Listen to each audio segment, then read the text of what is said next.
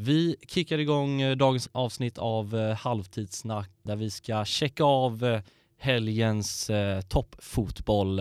Med mig som vanligt har jag oraklet och eh, Falun-sonen eh, Filip Elofsson. Känns det bra att vara här Filip, som vanligt? Det känns bra att vara här som vanligt. Det börjar bli en, En vana. en vana att sitta här i och prata fotboll med dig så att eh, inget främmande. nej, du känner dig bekväm. Jag känner mig bekväm. Om vi eh, ser tillbaka på helgen som har varit, är det någonting eh, speciellt som du tar med dig från, från den här helgen? Nej men det är väl eh, underhållande som vanligt när ligaomgångarna duggar tätt som de har gjort nu. Men eh, det är väl framförallt kanske att eh, man får ändå säga att City har avgjort Premier League och att eh, om man ser ut över andra ligor så är det väl att italienska ligan håller, hålls vid liv. Mm. Eh, det var ju en eh, situation som i alla fall jag skrattade mig ganska gott om i, igår. Eh, det var ju mötet mellan eh, Spezia och Milan. Och 1-0 målet där från Julio Magori när han, han firar och glider liksom på knäna, ramlar lite och Riccardo Saponaro han lägger sig över Magori. Och först lägger han sig och sen liksom han, han är ju så himla exalterad över det här målet. Och liksom, han vet inte riktigt vad han ska ta vägen så han drar ju ner byxorna då på matchcoachen då på Magori och liksom daskar till han lite på, på skinkan. Klassiskt eh, euforiskt huvudtapp Ja, nej, men jag efter, bara efter ett mål. ja men verkligen. Jag tyckte att det bara var så himla, eh, jag inte, lite uppbyggande på något sätt. För att det, just den här grejen att han, han vet inte riktigt vad han håller på med och Det syns så Och det känns som att Magori då blir också ganska så förvånad Ja. över, över den här målgesten. Så att det var ju bland det ja, fulare man har sett kanske. Det är ett sånt som kommer rulla några gånger på Youtube. Ja, förhopp- förhoppningsvis. Ehm, det är ju så att vi har ju spelat in några avsnitt nu, i alla fall sedan juluppehållet så har vi kört på nu några veckor. Mm. Och det känns också som att vi har börjat få någon slags, det har börjat sätta sig lite vad vi, vad vi går in på. Det har varit väldigt mycket Premier League och väldigt mycket Serie A, eh, till synnerhet lite La Liga. Så därför vill vi bara passa på att säga att är det någonting som ni vill att vi pratar om, säg att du är Schalke-supporter eller någonting så kan vi prata om Bundesliga eller du håller på Celtic så kan vi prata lite eh, skotska ligan. Och för den delen också svensk fotboll. Ja, och det tror jag, det tror jag dock att det kommer bli mer av. Absolut, det är inte ak- jätteaktuellt nu men eh, bara så att vi nämner det att det handlar inte bara om europeisk toppfotboll utan det är allsvenskan, superettan, vad som intresserar. Mm, så när allsvenskan väl eh, börjar gå av stapeln så kommer vi eh, prata mer om det. Vi sätter igång med ett svep. Italien tappade Milan tre poäng borta mot Spezia och tappar nu första platsen i Serie A till Inter som efter en stark insats signerat Lukaku och Martinez vann mot Lazio med 3-1 hemma på Giuseppe Meazza. I Neapel lyckades Napoli stå emot Pirlos svartvita gäng och eh, fick med sig slutresultatet 1-0. I Spanien har Alexander Isak nu gjort eh, mål i fem raka alla ligamatcher och blev senast matchhjälte i vinsten eh, mot Getafe med 1-0. Barcelona vann komfortabelt med 5-1 mot Alaves. Atletico trummar på i toppen eh, och med ett litet turligt avslut av eh, Angel Correa lyckades man få med sig eh, 2-1 mot Granada. Över till de brittiska öarna där Peps ljusblå vann med 3-0 mot Mourinhos Tottenham. Allison hade återigen en madrumsmatch när han såg sitt Liverpool tappa 0-1 till 3-1 på mindre än 10 minuter borta mot Leicester. Uniteds svårigheter mot bottenlag fortsätter och man fick bara med sig ett kryss i mötet mot West Brom. Gladare miner var det på Emirates där Arsenal vann med 4-2 mot Leeds och kanske har den sovande vargen Aubameyang återigen vaknat. Yes, jag tänker att vi, eh, vi kan börja i Premier League. Eh, Det brukar vi ju göra.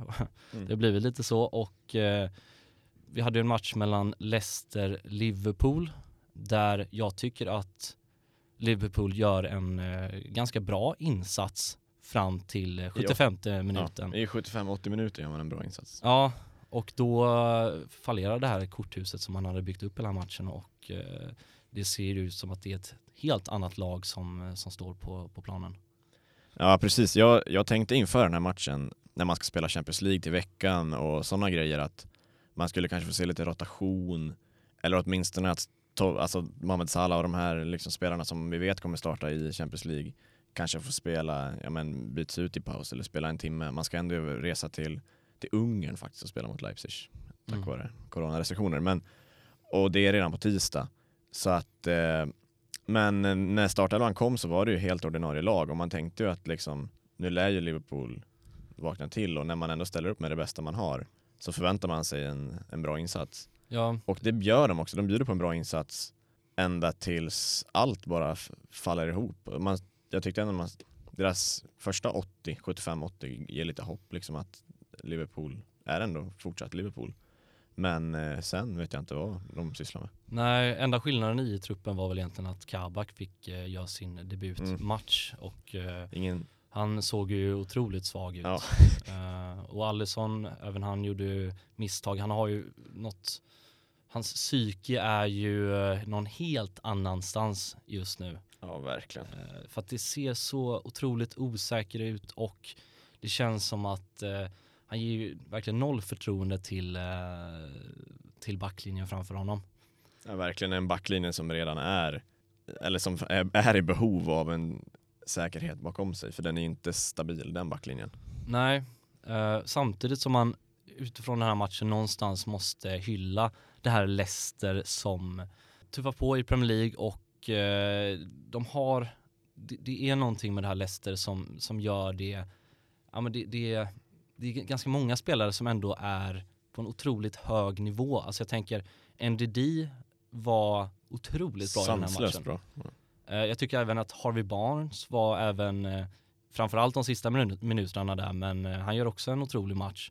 Och ofta när man pratar om Leicester så pratar man just om Jamie Wardy, James Madison. Men det här är också spelare som har en otroligt betydande roll i Leicester. Man kommer ju ihåg de här, alltså sen de vann ligan för runt fem år sedan, att man kommer ihåg de här bärande spelarna som var då, Schmeichel är kvar, Vardy är kvar. Och det är sådana spelare som liksom man tänker på när man tänker på Leicester, men som du nämnde flera där så finns det spelare med en högsta nivå som är absoluta toppklass i Premier League. Och dessutom tycker jag att, alltså över laget Leicester finns den här liksom charmen kvar som de de gav oss när de vann ligan helt sensationellt liksom. Och det där sitter kvar på något sätt tycker jag, att man, man så här, det känns aldrig som att Leicester spelar med några förväntningar. Utan de bara kör sin grej och kör på och man liksom blir underhållen av Leicester och man gillar Leicester på något sätt. Trots att man inte hejar på dem. Utan att Leicester är liksom det här sköna gänget som, som bara kör på. Men, men nu måste de ju absolut med i en diskussion om att de är alltså ett topplag i Premier League. Man brukar prata om Big Six. Men nu tycker jag nästan att man ska att Leicester har anslutit till den eh, ligan. Att de kanske till och med är gått i kapp och kanske till och med förbi lag som Arsenal och Tottenham. Och man får komma ihåg det att de var ju eh, otroligt nära förra året att knipa en eh, topp 4-placering. Och de ser ut att gå mot en topp 4-placering i år och jag tänker att inför nästa säsong så behöver man räkna med dem i vilka som hamnar på en topp 4-placering. För så bra tycker jag att det här laget är och de har också den här liksom, de har ju någon slags, alltså så här, när de möter sådana här lag så, så går, de går in med en, de är väldigt orädda och de, de spelar verkligen som att vi kan vinna. Jag tror att det har mycket att göra med den här Premier League-vinsten de hade 15-16. Att de har någon slags, någon slags vinnarmentalitet i klubben och att alla spelare tror på det här. Och sen är jag kanske, jag tillhörde ju någonstans kanske den minoriteten av alla fotbollsfans som inte tyckte speciellt mycket om Leicester år 15-16. För jag tyckte att deras fotboll var ganska, jag tyckte att det var otroligt tråkigt att kolla på Leicester för att de stängde ju egentligen matcher, det var 1-0 vinster och men, men alltså, det ska ju inte så här ta ifrån Leicester den klubben de har blivit idag för att jag tycker att det är en, en otroligt väl organiserad klubb. Jag tycker att det är en, den, den sköts otroligt bra sportsligt och jag sett i dagens mått så tycker jag att de också spelar en underhållande fotboll som de inte gjorde då enligt mig. De har ju verkligen tagit tillvara på de möjligheterna de fick både på och utanför plan av att vinna ligan det här året. Mm. Att liksom la en, en sportslig grund för att, eller att utvecklas från som de verkligen har tagit eh, tillvara på och utnyttjat och bara växer för varje år. Ja, och samtidigt då så är ju den här, alltså så här, den vinsten de hade då den säsongen var också ett resultat av många alltså år av kämpande med värvningar och att det ändå är liksom, det, det är ju ändå en, en klubb som under längre tid har, har haft någonting, att de har liksom haft en målbild, haft en tydlig plan eh, och nu tycker jag att de lever ut den och just därför ska man även lägga till Leicester i ekvationen om vilka som eh, utmanar om topp fyra placeringar i Premier League. Att, att jag tror att det är en klubb som, som vi kommer få se i den positionen eh, framöver. Vi hade ju även en eh, toppmatch får man väl säga mellan City och eh, Tottenham. Eh, jag tycker att eh, du sa det i början där att eh, City har säkrat ligan. Eh, det är väl mycket som talar för det och speciellt kanske när man när man ser en spelare som Gundogan som kliver fram och har väl aldrig egentligen sett, sett bättre ut än vad jag gör nu. Nej, det får man absolut säga.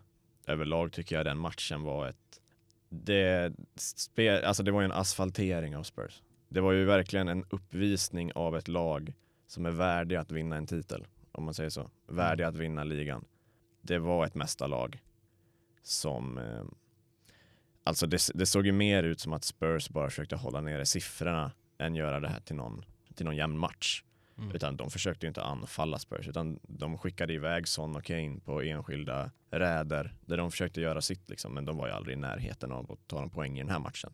Nej. Det, var, det var City, alltså rakt igenom. Och eh, Gundogan återigen två mål.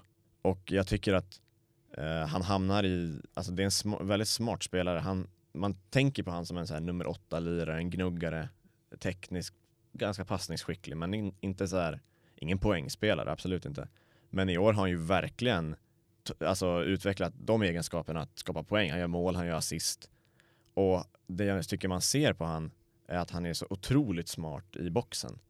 Och hittar så här ytor, hittar tillfällen där han eh, får jättelägen in i, framför mål.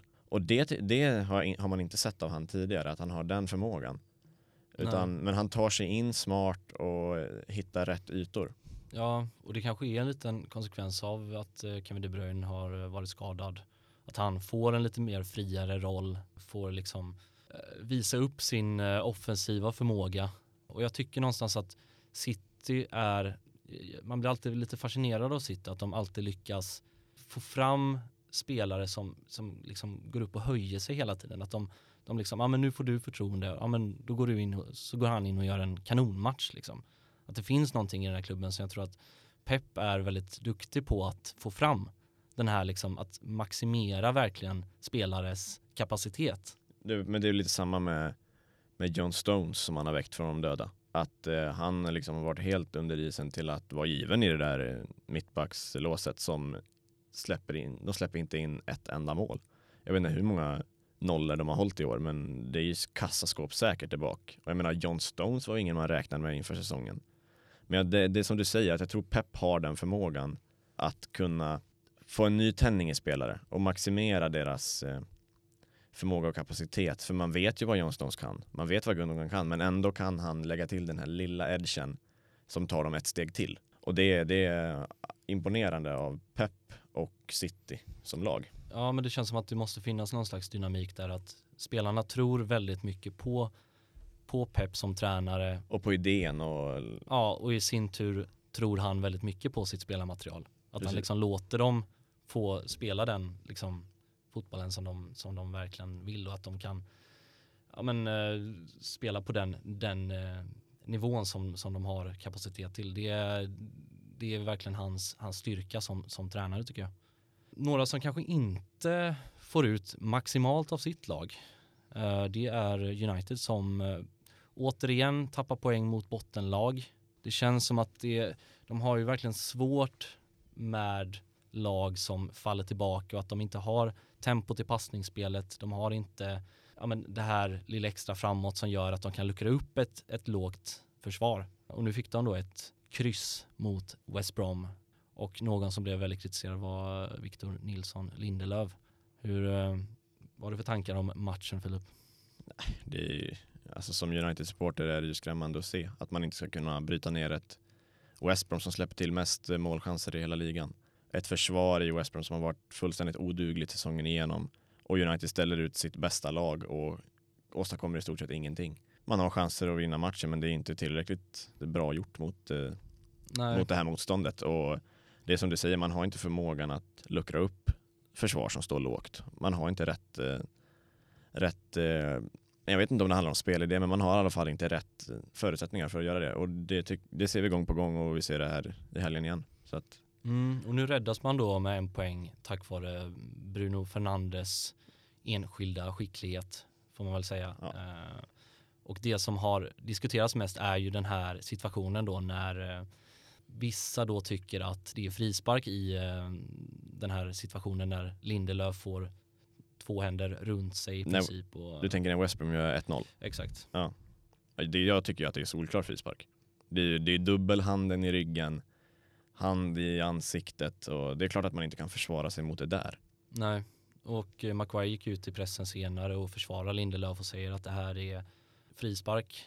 Eh, visst att han kan göra bättre, men han tycker att pressen är för hårda mot, mot Lindelöf. Och jag skulle väl ändå säga det att alltså så här, vid första anblick så tycker jag väl att det är frispark kanske. Men jag, jag är inte helt hundra ändå. Alltså jag tycker verkligen att alltså så här, man, man, skulle kunna ge det en frispark, absolut. Men jag tycker även att det är en otroligt bra prestation av eh, forwarden i det här fallet att liksom tränga sig före Lindelöf, få till den här nicken. Och visst att det är lite liksom, ja men det är lite händer som, som far här och var, men, men jag, jag tycker någonstans ändå att att, ja, jag vet inte, alltså jag hade, hade säg att det hade varit i andra straffområdet, att Pogba hade hoppat upp liknande mot, eh, mot en mittback så, så vet jag inte om jag hade tyckt att det varit frispark. Men vadå, det är klart att han tar sig före om man använder oschyssta medel. Man kan inte lägga det där på Lindelöf. Nej, nej men det, det är en helt annan grej för att jag tycker, jag, jag tycker väl att den kritiken som Lindelöf får gång på gång är väldigt eh, hård jag, jag, tycker inte att han ska få så mycket kritik för det och det, det där hade lika gärna kunnat vara Maguire och, som, som var ute i den situationen för att det finns inte så mycket Lindelöf kan göra. Men jag, jag är ändå inte helt hundra, alltså jag skulle ändå vilja se Alltså säg att det här är frispark då, men jag skulle ändå vilja se att det kan bli mer kamp i straffområdet om sådana här typer av bollar. Ja, jo absolut. Alltså, Lindelöf ska ju vara tuffare i situationen så. Men det är också så här, han, han liksom går mot boll, tittar mot boll och så kommer en stor kille i ryggen på han med två händer, då är det inte så mycket att göra tycker jag. Jag menar, jag tycker det är synd om Lindelöf på det sättet att han i den backlinjen United har så är han omgiven av tre britter och så är han ensam svensk. Och varje gång det händer någonting i Uniteds försvar som är tveksamt så är det ju han som får ta all skit från brittisk media. Och det är olyckligt för Lindelöf för att det är många gånger det är inte hans fel och det är många gånger alltså Maguire eller Shaw eller Wan-Bissaka också gör bort sig. Men det är han som blir utpekad som syndabock och det smittar av sig tycker jag på fans och hur deras, de reagerar att så fort det händer någonting i det här försvaret så är det Victor Lindelöfs fel. Mm. Och, det, och så är det absolut inte. Det finns andra felande länkar där kan jag säga. Ja, det blir väl någonstans alltid han som får ta kritiken när eh, United har en eh, defensiv som ifrågasätts. Just för att man kanske har tre engelska spelare i den där backlinjen plus då Lindelöf som sen han egentligen kom till United har varit ganska ifrågasatt. Han har inte fått den här liksom bekräftelsen som han ibland kanske ändå liksom förtjänar för att jag tycker ändå att han gör stundtals ganska bra matcher. Bekräftelsen han fått är väl i så fall bekräftelse av Solskär. Att eh, han får starta varje match, att det är Solskär tror på honom och han som är, ska vara Maguires partner liksom, att han är första mittback bredvid Maguire. Och det är väl, alltså det är väl den bekräftelsen han har fått om, om någon. Men det har ju mycket att göra med det här, den här liksom brittiska fotbollen, att du ska vara stark i luftrummet som en mittback. Och jag, jag har även läst eh, liksom United-fans och deras liksom, kommentarer på det här och, och, vad de tycker. Och, och det är ju så här att många vill ju att man eh, köper in en ny mittback i sommar. Men vissa vill ju även att, ja men varför går inte Bajy före Lindelöf? Och just den grejen tycker jag är helt oförstående för jag tycker att Lindelöf är en betydligt bättre mittback än Bajy som är väldigt han är väldigt så här opolitlig eh, han positionerar sig ganska märkligt ofta och eh, jag tycker inte alls man får den här liksom stabila mittbacken med en Bajy utan det enda de kan göra i sådana fall är att acceptera att Lindelöf är, är mittbacken bredvid Maguire eller så får de ju punga upp en hel del pengar i sommar. Men det man får med Bailly är också att i varje duell han kliver in kan det vara ett rött kort. Att han, är, han är så flängig liksom, man vet inte riktigt vad man får ut av honom. Han är opolitlig så sett. Men På samma sätt som man kan göra en liksom, sista mans brytning som är liksom, stående ovationer för. Så det, ja, men jag, jag vet inte hur man ska liksom... Men jag, jag, tycker det känns så, jag tycker det känns så typiskt brittiskt på något sätt att mittbackarna ska vara stora, tuffa, duktiga på att nicka bort och rensa bollar. Men man bortser också mycket från vad Viktor, han är en av de bästa med bollen vid fötterna exempelvis, eller så att driva fram bollen, han är väldigt snabb och har kvaliteter in, inom sådana områden. Att han liksom saknar lite i huvudspelet och spelet i boxen. Det tycker jag också man kan få köpa om man istället tittar på vad han gör i en uppspelsfas exempelvis. Och sådana saker, för där är han väldigt bra. Alltså, det är få mittbackar i Premier League som har hans kvalitet när det kommer till den tekniska biten och den spelmässiga biten.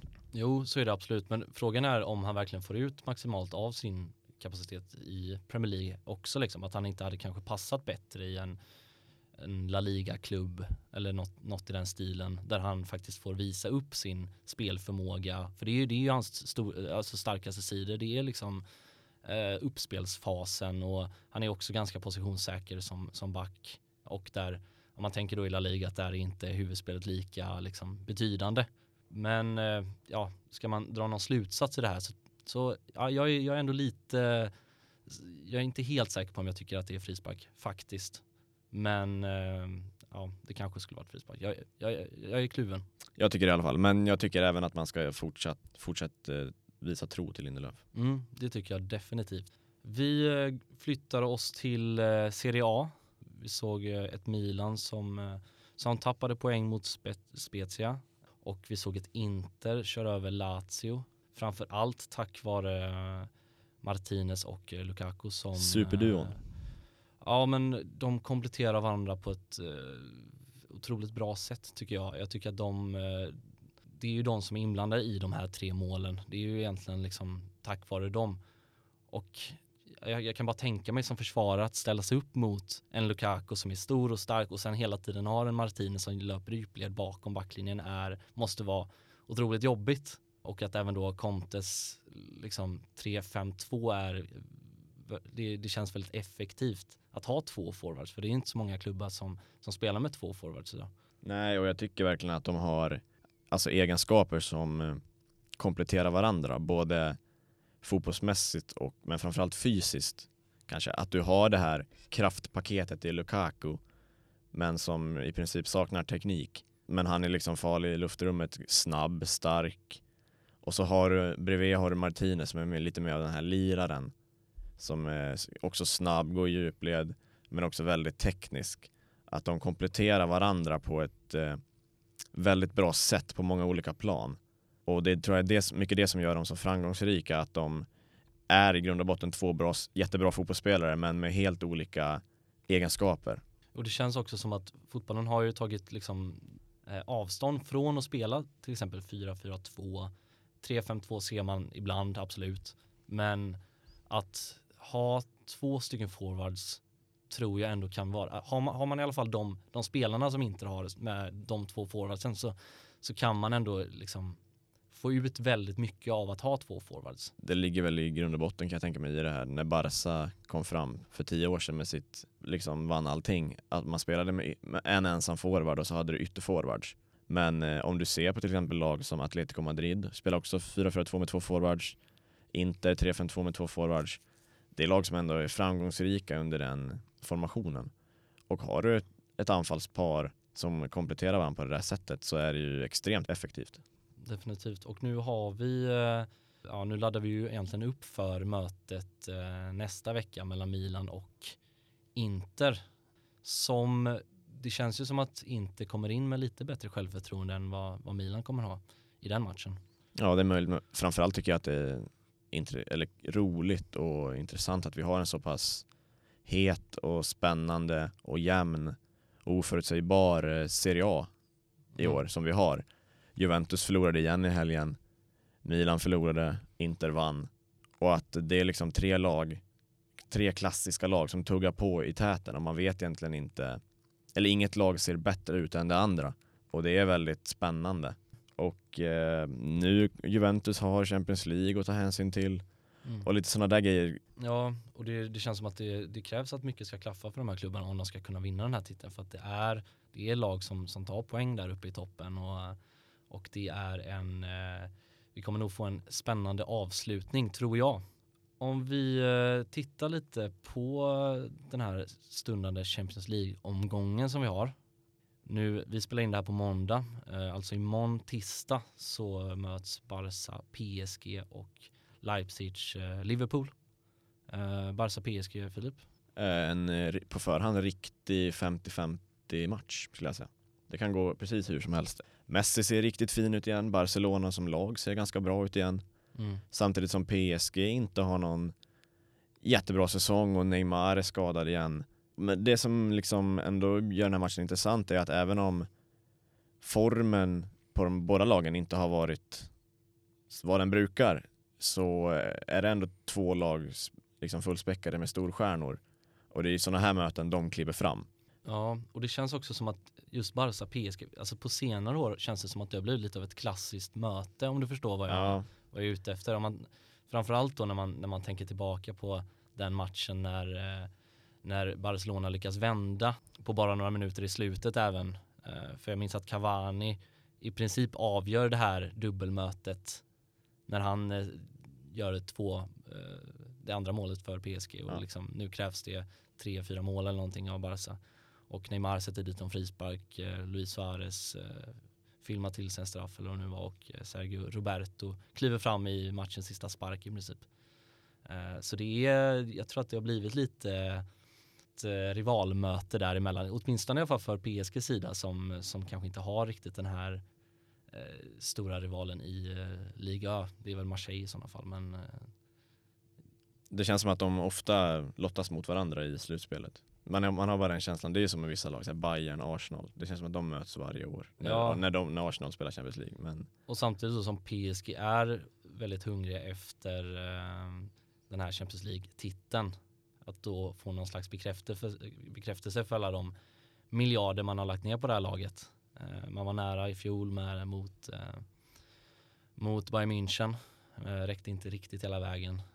Men jag tror att de kommer ha fullt fokus till den matchen mot Barcelona. Leipzig-Liverpool. Kan bli ganska fartfyllt kanske. det hoppas jag på och tror. Jag tror att vi kommer få se en riktig urladdning av Liverpool faktiskt. Trots den formen de har visat upp på slutet. För jag, nu har liksom Klopp har gått ut i media och erkänt att ligan är över. Och eh, det, de har ingenting mer att hämta där utan de kommer få kriga för en topp 4-position och det vet de om. Men, och de är ute ur FA-cupen. Det de har att kriga för i år, det är Champions League. Mm. Och jag tror att det kommer vi få se på tisdag när de kliver ut mot eh, Leipzig. Men, eh, Det, det men jag tror att vi kommer få se en, eh, en bra match av Liverpool. Ja, för att de kommer ju ha ganska stor press på sina axlar nu. Eh, i och med att de har liksom halkat efter lite i ligan, förlorade senast mot Leicester. Att de, eh, de kommer ju gå in med en, eh, ja, men en stor press över att de, de ska vinna den här matchen. Man har ju ändå stora förväntningar på dem som lag, trots hur det har sett ut. Och så tror jag även Liverpool-fansen har att nu är det, något, nu är det Champions League igen. Nu är det fan dags att börja växla upp igen och visa att vi är Liverpool och att vi, har, vi är regerande Premier League-mästare. Mm. Och eh, jag tror att eh, vi kommer få en reaktion. Ja, ja, jag tror att den matchen är ganska svårtippad faktiskt. Jag tror även att Le- Leipzig kan, eh, kan göra en bra match i Ungern. Eh, på onsdag så har vi eh, Porto-Juve. Eh, vi har även Sevilla och Dortmund. Porto-Juventus. Juventus också lite press på sig och lite att bevisa nu efter förlusten mot Napoli. Jag tror att det är ju samma sak där, precis som för Liverpool, att de har ligan lite de har tappat lite liksom, chanserna om ligan och behöver verkligen satsa på Champions League. Juventus är ju också ett lag som, som också verkligen vill, vill eh, vinna den där titeln liksom. Och att det i så fall dels skulle väga upp för den här säsongen eh, och jag tror att eh, det hade även stärkt Pirlos aktier otroligt mycket om han lyckades gå långt i Champions League. Absolut, det är som en, eller har blivit, om man liksom drar en parallell till Liverpool, med, mellan Liverpool och Juventus, att Champions League blir lite som deras livlina. Nu är ju inte ligan körd på något sätt för Juventus, men skulle det bli så att Juventus kommer trea i ligan och, eller, och Liverpool eh, bara hamnar topp fyra liksom, eh, så är det ju i Champions League förväntningarna ligger att man ska kunna, men för Pirlos del, om man går till en final eller semifinal, final, så har man ändå liksom kvar förtroendet. Jo, det tror jag verkligen. Och eh, med de orden så eh, avslutar vi eh, dagens avsnitt av Halvtidssnack. Tack för att du har lyssnat. Ha det bra. Tack så mycket. Hej då.